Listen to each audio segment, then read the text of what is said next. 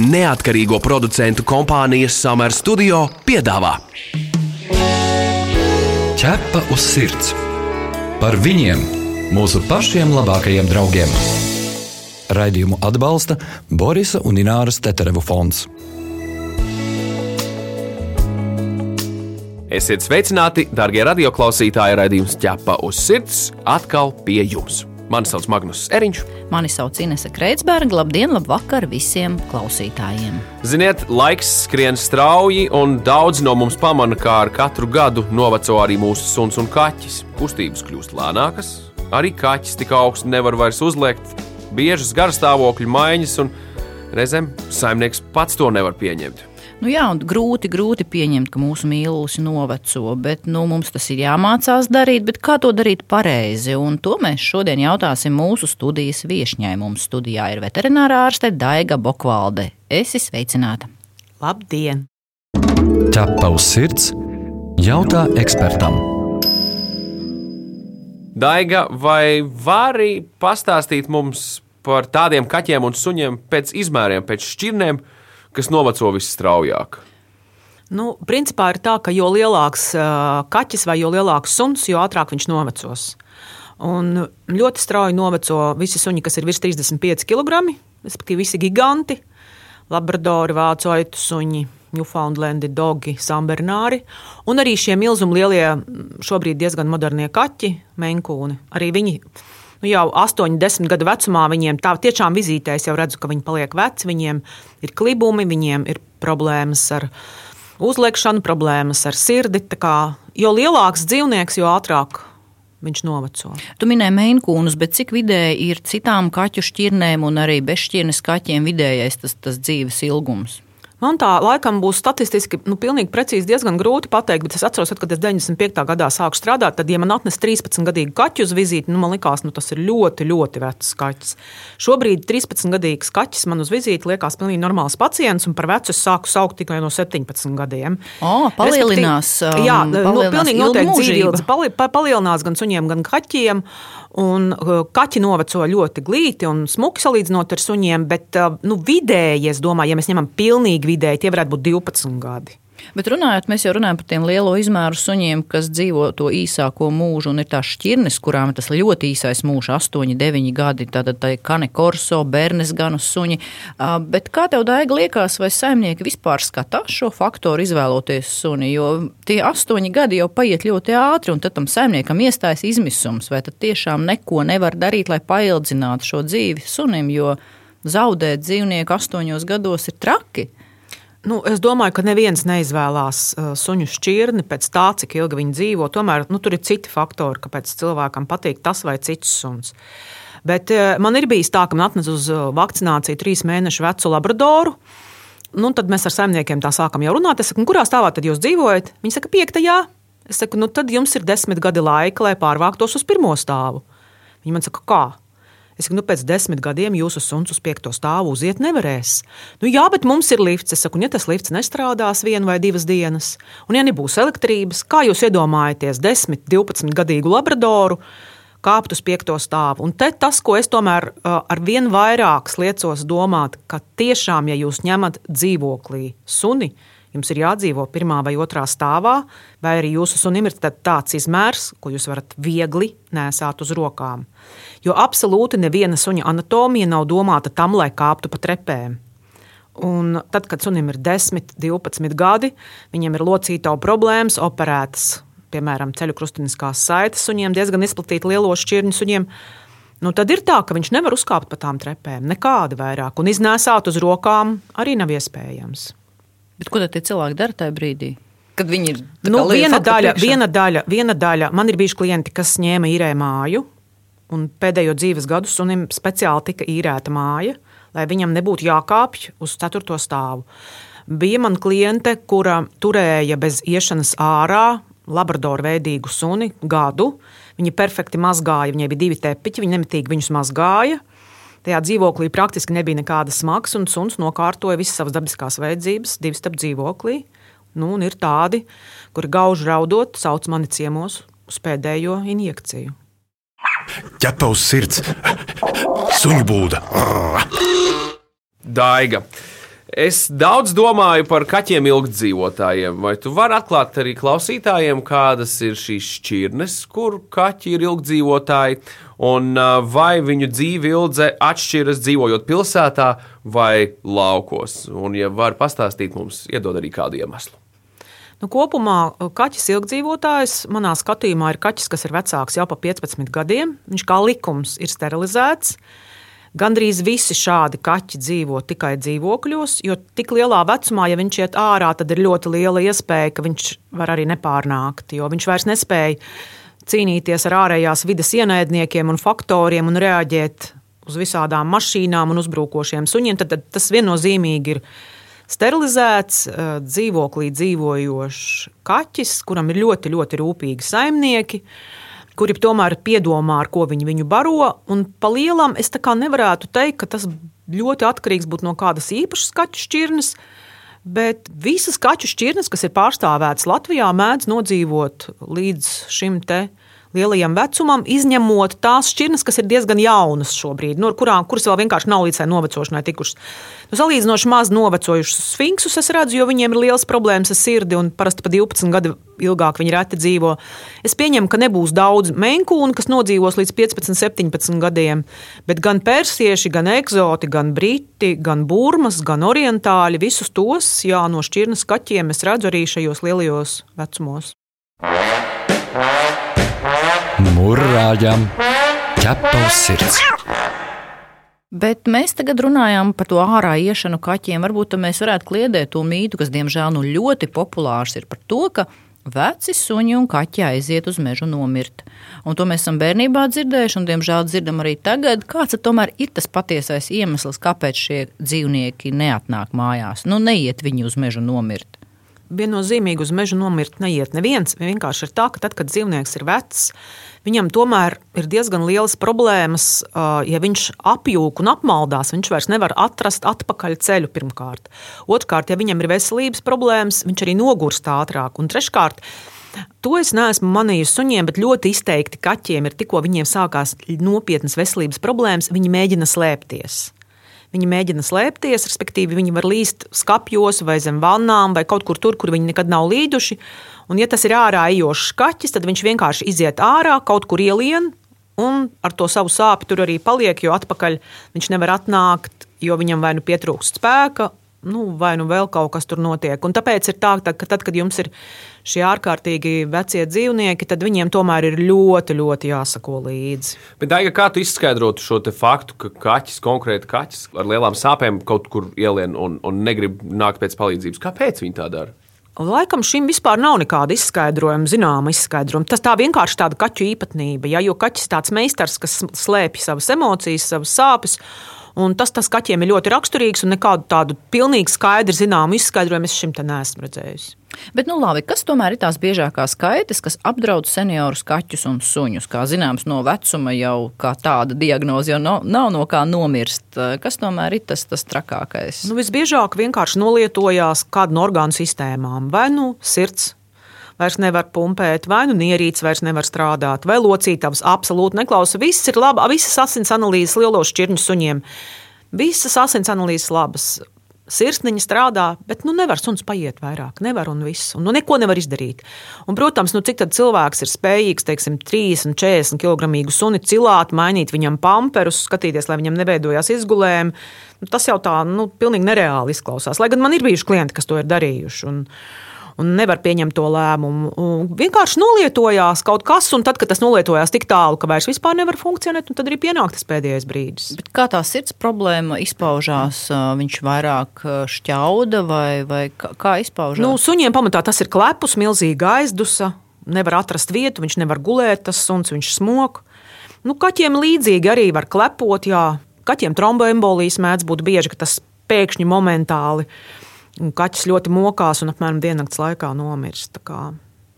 Lai saprastu un analizētu, kas ar to dzīvnieku notiek, tam saimniekam ir jābūt vai nu iepriekšējai tādai pieredzei, ka viņam jau ir bijis šāds dzīvnieks ar šādu problēmu, vai nu tam ir jābūt tiešām ļoti zinošam saimniekam. Jo saprast no malas, kas notiek ar jūsu dzīvnieku, vai viņš nevar pačurāt, vai viņš nevar pakakāt, vai viņš smok, to saimnieki gandrīz nekad paši nesaprot. Tāpēc ir jābūt kontaktam ar doktoru un jārādās, un jākomunicē un jāklaus, ko saka doktors. Labi, bet tomēr varbūt ir kādi knifi, kā saimnieks, piemēram, var katru dienu pārbaudīt, ja monitorēt, vai dzīvniekam viss ir kārtībā. Nu, piemēram, mm, dot kādu kārumiņu katru dienu. Nevis tāpēc, ka vajag, bet lai redzētu, vai viņš ar prieku ņem ēdienu, vai nu, ir kaut kādi citi. Nu, ir, jebkuram dzīvniekam ir kaut kāda ikdienas paradumi. Piemēram, jūs slēdzat vaļā durvis, viņš jūs sagaida. Vai jūs ejat uz virtuvi, viņš skrien līdzi un prasa ēst. Protams. Vai jūs velkat kājā kurpes un ņemat rokā pavadu, un viņš priecīgi ir klāt, mēs tūlīt iesim ārā. Un ja kāds no šiem ikdienas paradumiem pēkšņi pazūd, tad ir jautājums, kāpēc? Tas jau ir pirmais. Nākamais. Sēmnieki atnāk un saka, tā, viņam ir ļoti laba apetīte, bet viņš neko nēd. Es saku, kā? Tad viņam nav laba apetīte. Nē, viņi saka, viņš grib kaut ko garšīgu. Bet mēs nopērkam tādu konservu, to viņš ēd. Tad mēs nopērkam tādus gardumus, to viņš ēd. Bet to savu barību viņš vairs nēd. Bet viņi nesaprot to, ka tā apetīte ir vēl kaut cik saglabāta, un tāpēc šos kārumus viņš vēl ir gatavs ēst. Bet tas jau, ka viņš nēd to parasto barību, jau ir norāde, ka te jau ir problēmas. Un tādi visādi sīki knifi, kurus tad, kad man atved šo dzīvnieku, tad es prasu, teiksim, kad viņš pēdējo reizi čurāja, kad viņš pēdējo reizi kakāja, kad viņš pēdējo reizi ēda, cik bieži viņš vēmīja, vai viņš jūs sagaida. Nu, ir visādi jautājumi, pēc kuriem es saprotu, apmēram, kas notiek. Bet nelēma jau ir tā, ka lielākā daļa saimnieku nemaz nevar atbildēt uz šiem jautājumiem. Es saku, kas, kad, kad jūs kaķis pēdējo reizi gāja kakāt uz toleti? Mums ir trīs kaķi, es nezinu, kurš tur kakā, kurš tur nekakā. Nu, tāda tā komunikācija ir. Līdz ar to tas nav vienkārši. Labi, Vecs dzīvnieks tas nav vienkārši. Ko tu iesaki darīt tiem saimniekiem, kuriem ir trīs kaķi, un kā izsakot, kur kurējais ko dara, ir kaut kāda kameras jāliek. Nu, jā, tagad var likt, protams, kameras. Jā, otrkārt, nu, jūs jau apmēram, ja jūs esat tāds labs un vērīgs saimnieks, jūs tomēr redzat, kā tas kaķis, kurš tur iet, kurš kurā stūrī. Man, piemēram, ir divi kaķi, un es zinu, kurā stūrī tūlītē čurā kurš kaķis. Varbūt jo ejot garām tūlīt, es esmu redzējis, ka viens kaķis čurā vienmēr dziļumā, un viens turpat, jā, viens aizkasa, viens neaizkasa. Jā. Nu, tas viss ir jāvēro. Ja jūs gribat šo veco dzīvnieku, ja jūs gribat par viņu rūpēties, šis viss, to nevar vetārs vizītē visu atminēt.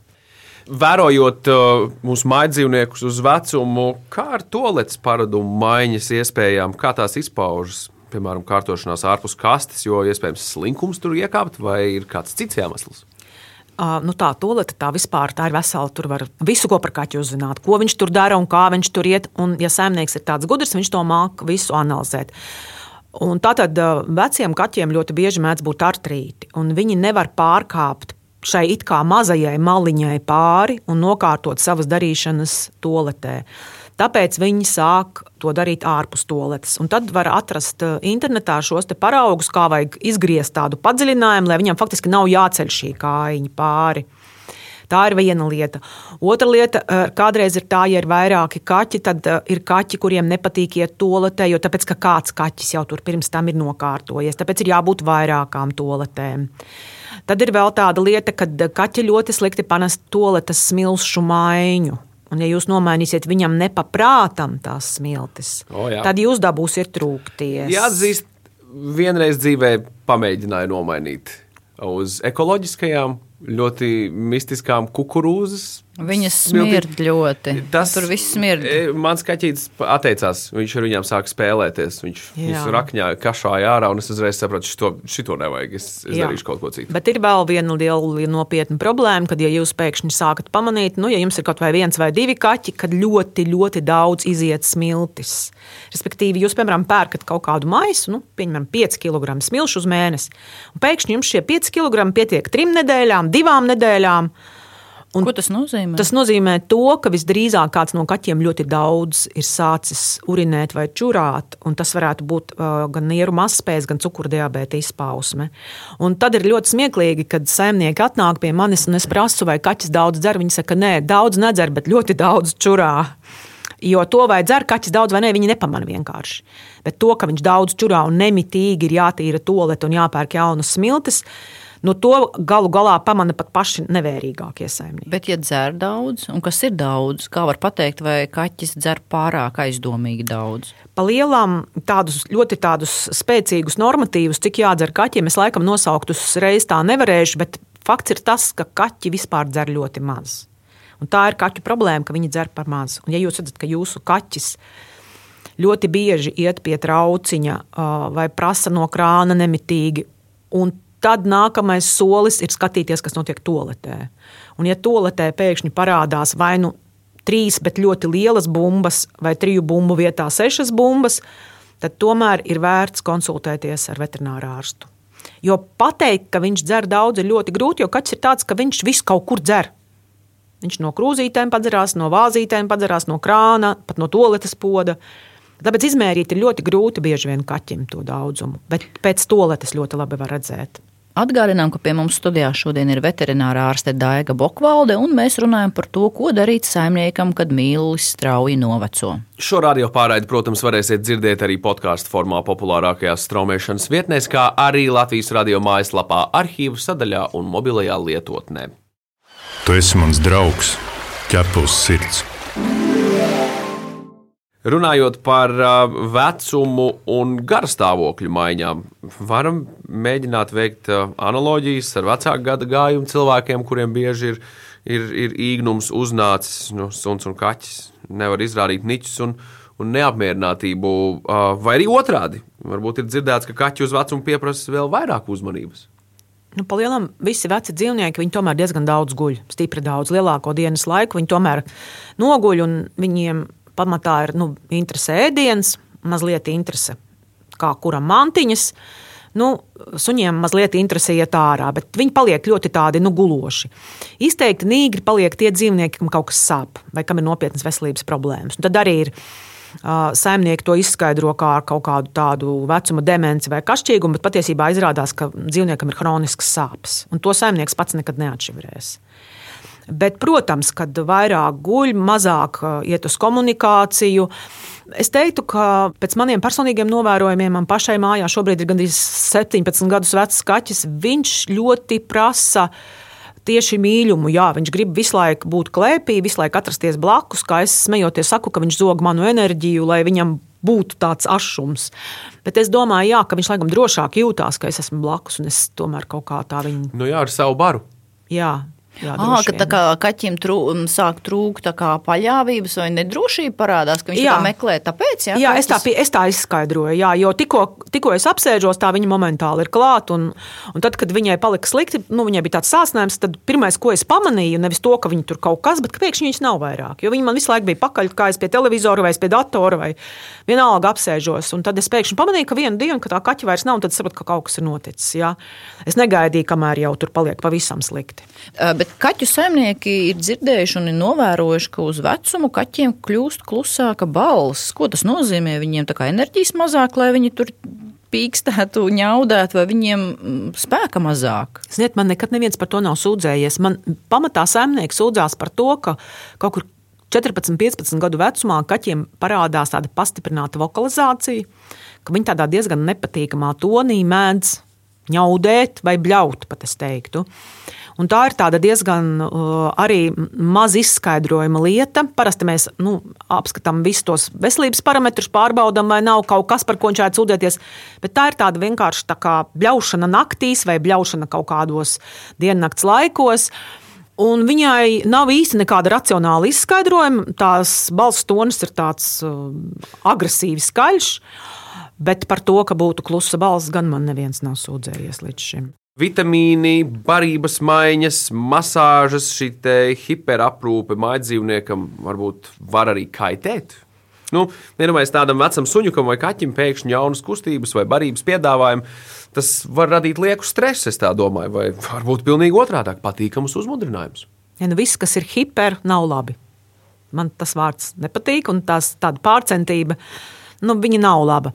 Jo arī šiem veciem dzīvniekiem viņiem lielākoties ir kaut kādas veselības problēmas, kur tiešām ir jāskatās, kādus vitamīnus dot, kādās devās, cik vienlaicīgi. Tomēr es to ieteiktu saskaņot ar veterināru ārstu. Tagad ir pieejamas ļoti labas barības, kas ir domātas tieši veciem uh, kaķiem un veciem suņiem. Ir tikai viena piebilde, ka daudziem no šiem vecajiem dzīvniekiem ir arī kāda veselības problēma. Tad viņiem bieži vien ir vajadzīga kāda speciāla barība. Nevis šī veco dzīvnieku barība, bet jau kāda speciāla barība. Nu, kaķi lielākoties uh, ēd, piemēram, nierēm, slimām nierītēm domātu pārtiku. es liktu visu saskaņot. Jo nu, man atnāk kādreiz un noliek uz galda četras barības piedevas, trīs veidu konservas un trīs veidu sausās barības. Un tad es nevaru atšifrēt, no kā tam kaķim ir sākusies caurēja vai vēmšana, jo nu, tas klāsts ir tik milzīgs. Kādreiz es arī prasu, kā tad jūs to visu dabūjāt tajā kaķī iekšā? Bet saprotiet, te ir tā cita psiholoģija. Piemēram, ja ir mm, ilgdzīvotājs kaķis, kuram 15, 16 gadi, tad pirms šiem 15 gadiem, nu, kādas nu bija barības, tādas bija. Tagad tad viņš ir pieredzināts pie konkrētas, bet ir parādījusies segmentā kvalitatīva barība, piemēram, 60% gaļas. Ir parādījušies segmentā fizioterapeiti. Mēs tā kā gribētu, jo tiem dzīvniekiem dot to labāko, bet jautājums, vai vajag? Vai no tā viņiem nepaliks sliktāk? Saskaņot visus, visus uzlabojumus, saskaņot es ieteiktu ar ārstējošo veterināru ārstu. Un barību mainīt vienkārši tāpēc, ka ir kaut kas jauns un labāks, noteikti nevajag. Skaidrs, ka mūsu klausās arī tie suņu un kaķu saimnieki, kuru mīluļi šobrīd ir senioru vecumā. Ko mēs viņiem varētu pateikt? Varbūt ir kāds padoms dāga, ko viņiem darīt, ko nedarīt. Nu, ja jums tiešām ir tāds nopietns seniors, tad nu, vismaz reizi gadā, vai vēl labāk, divreiz gadā, tomēr aiziet pie veterinārā ārsta, nododiet asins analīzes, urīna analīzes, lai paklausās to sirsniņu, lai paskatās, kādi tie zobi ir mutē. Vai tur nav milzīgs zobakmens vai iekaisušas smadzenes, nu, parādieties doktoram. Un arī, ja jūs tiešām gribat nu, labi pirkt šos labus vitamīnus un, un labas barības piedevas locītavām vai, vai zivju eļu, es teiktu, saskaņojiet tomēr ar kādu veterināro speciālistu visas šīs lietas.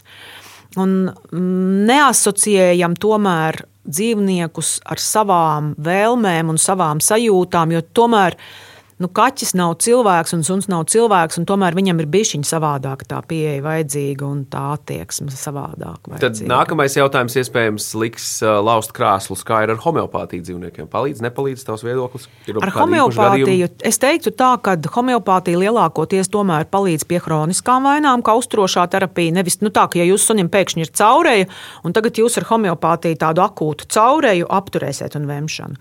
Respektīvi, tas tomēr ir kā papildu līdzeklis uh, vai, vai pamata ārstēšana pie chroniskām vainām. Un ar homeopātiju es esmu sapratusi vienu lietu, ka man nav nekas pret homeopātiju, bet viena piebilde. Arī pašam saimniekam ir jātic šai homeopātijai. Un man ar homeopātiju ir laba pieredze. Man ir kolēģi, pie kuriem es pārsūtu. Tikai tiem saimniekiem, kuri tiešām paši lieto sev homeopātiju, un viņi arī dzīvniekiem. Un tad šis rezultāts ir. Tas līdzīgi kā kvantu fizikā. Ja? Tad, kad tu skaties uz daļiņām, tās dara vienu lietu, bet, ja tu neskaties uz daļiņām, tās dara kaut ko pilnīgi citu. Jā, iespējams. Bet nu, tagad tāds vēl ļoti aktuāls jautājums un problēma. Varbūt tā nav problēma, bet ļoti daudz suņu un kaķu saimnieki, tad, kad viņu mīlulis noveco, viņi izdomā paņemt jaunu mīluli ar to domu, ka, nu, lai tas kucēns vai kaķēns palīdz tam vecajam dzīvniekam kļūt ņiprākam un, un, un možākam. Kā tu kā vetārste to esi redzējusi, tas tā strādā, vai tomēr drīzāk otrādi vēl tas vecais dzīvnieks ātrāk aiziet? Kopumā tas strādā labi. Ar piebildi tad, ja šis dzīvnieks nav ļoti vecs, ar ļoti kroniskām problēmām jau veselības. Jo, ja tas tiešām ir, nu, piemēram, 15 gadīgs kaķis, kuram jau ir izteikts artrīts, kuram ir nieru mazspēja, un jūs paņemsiet kaķēnu, kurš viņam leks virsū un, un neļaus viņam iet ārā no toaletes vai iekšā kāpt un uzbruks piedienu trauku, nu, tur nekas labs nesanāks. Bet, ja jūs paņemsiet pie tāda 8, 9 gadīga, jau kaķi, kurš sāk palikt tāds apaļīgs, jau zaudē interesi par dzīvi kaķēnu. Es pieņemu, ka viņš viņu ļoti labi varētu arī tonizēt un padarīt jaunāku. Un suņiem ir līdzīgi. Nu, jūs, piemēram, nevarat ņemt pie nu, tāda novecojoša, jau ar artrītu nomocīta suņa lielo šķirņu kucēnu, kas viņam leks virsū, un viņa sāpīgās locītavas padarīs vēl sāpīgākas. Nu, tur tā saprātīgi ir jāizvēlās šī kombinācija. Bet kopumā man viņa patīk un viņa strādā. Ar piebildi, ja tas nav tiešām jau ļoti vecs un problemātisks dzīvnieks, kuram vajadzīgs ir miers un precāpju medikamenti.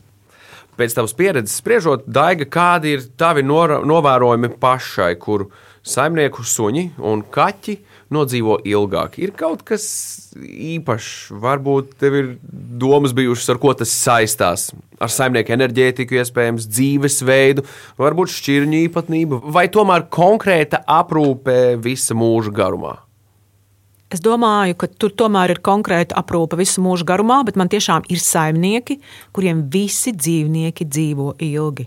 Un es pat esmu to tā kā, nu, par cik es diezgan daudz gadus jau strādāju, man ir tādi zemnieki, kad viņiem viens dzīvnieks nodzīvo 11 gadus, nākamais. Un tad es jau viņiem saku, jā, nu, jūs esat labi saimnieki.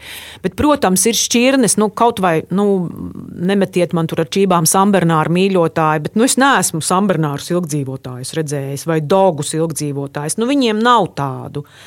Un, teiksim, ja jums eh, patīk šie ārkārtīgi lielie, gigantiskie suņi, tad desmit gadi tas ir pats maksimums, ko viņi var nodzīvot. Bet nu, tomēr tā ir aprūpe visa mūža garumā. Ja? Tāda, tāda es domāju, apzinīga. ka tam saimniekam, kurš jūt savu dzīvnieku un kurš saprot, kurš ir tas brīdis, kad ir jāgriežās pie vetārsta, un kurš labi sadarbojās ar vetārstu, viņam arī tad radās šie ilgdzīvotāji dzīvnieki. Tie dzīvnieki ir jājūt. Viņu vajadzības, viņu problēmas, ka kaut kas nav riktīgi ka viņš jau atnes nevis tad, kad jau tas dzīvnieks ir galīgs līdz, bet kad, kad viņš jau sajūt, ka ir tas sākums tai problēmai. Nu jā, un atkal, un atkal varam uzsvērt, ka dzīvniekam tā skaites attīstās daudz straujāk. Ja mēs cilvēki varam dažas dienas pamocīties sāpēs, tad kaķis suns nevar. Viņam viss aktivizējas ātrāk, un tāpēc nedrīkst atlikt gājienu pie vetārsta, vai ne? Jā, un vēl ir viena tāda lieta, ka tad, kad jūs jau pamanāt, ka tam dzīvniekam sāp, tad jau viņam sāp ļoti, ļoti sāp. Jo tādas nelielas sāpes jau jūs visdrīzāk nemanīsiet. Un vēl tas, ko es gribētu teikt, ka tiem saimniekiem, kam ir dzīvnieki ar chroniskām slimībām, nevienmēr tie ir veci dzīvnieki, kādreiz pat ne ļoti veci. Jo tomēr jums ir jābūt mājās šai pirmās palīdzības komplektam ar pretsāpju zālēm, ar pretcaurejas zālēm, Bieži vien tie jau ir spēcīgi recepšu medikamenti, kurus jums nekur tāpat neiedos, bet jūsu veterinārārsts, kas to zina, to problēmu, viņš jums uztaisa šādu speciāli jūsu konkrētajam gadījumam mājas aptieciņu. Nu, piemēram, sākās Ziemassvētku brīvdienas. Ne tu veterinārārstu var sazvanīt, ne arī viņu kaut kur atrast. Aptiekas visas ciet, neviena sveša klīnika jūsu zā, sunim zāles recepšu nedos. Tāpēc ir, ir jābūt šai sadarbībai. Man visiem maniem kroniskajiem pacientiem ir kaut kādi pirmās nepieciešamības. Tie recepšu medikamenti ir mājās tieši šādas situācijai, kad, ja kaut kas notiek, viņi dod zāles, meklē mani vai meklē kādu palīdzību, bet viņiem ir šīs zāles, ko iedot uzreiz. Nevis tā, ka tu piecelies no rīta, Tu zini, ka tavam sunim ir artrīts, un viņš nevar piecelties. Un tu nevari sazvanīt veterinārā ārstu, ir svētki. Tu nevari šo 60 kg suni pacelt un ielikt tik vienkārši mašīnā, jo tur ir vajadzīgi divi vīrieši vai, vai arī speciāla mašīna. Un visi ir uztraukušies, asaras līdz. Jums ir mājās tablete, jūs iedodat tableti, pēc stundas sunim paliek labāk, viss ir priecīgi. Nu, tāda, tāda ir vienkārši tā ikdiena. Nu jā, tātad, kas mums no tā jāsaprot? Senioru saimniekam tomēr jābūt gatavībā ar, ar medikamentiem. Tāpat kā cilvēks noveco, tuvinieks, jā, mums ir aptieciņa, no arī tam dzīvniekam jābūt aptieciņai. Mūsu rokās ir viss, lai padarītu šo dzīves posmu maksimāli ērtu un drošu viņiem. Un pēc iespējas ilgāku kopā būšanas laiku. Tas jau ir tas galvenais, ko mēs gribam, vai ne? Precīzi. Visur kopā - ķepus sirds. Atgādinām, ka ķepos sirds TV raidījumam varat sekot līdzi katru sestdienu, pulksten 11.15 un atkārtojumā Svētdienā LTV1. Mēs arī gaidām jūsu jautājumus, ierosinājumus, idejas, sižetiem. Rakstiet mums info atķepos sirds.lv. Bet šajā raidījumā tas ir arī viss. Mani sauc Inese Kreitsberga. Mani sauc Magnus Eriņš. Raidījumu veido neatkarīgo producentu kompānija Summer Studio. Visu labu! Atā! Ķepa uz sirds! Informatīvi izglītojoši raidījums par dzīvnieku pasauli un cilvēkiem tajā. Raidījumu atbalsta Borisa un Ināras Teterevu fonds.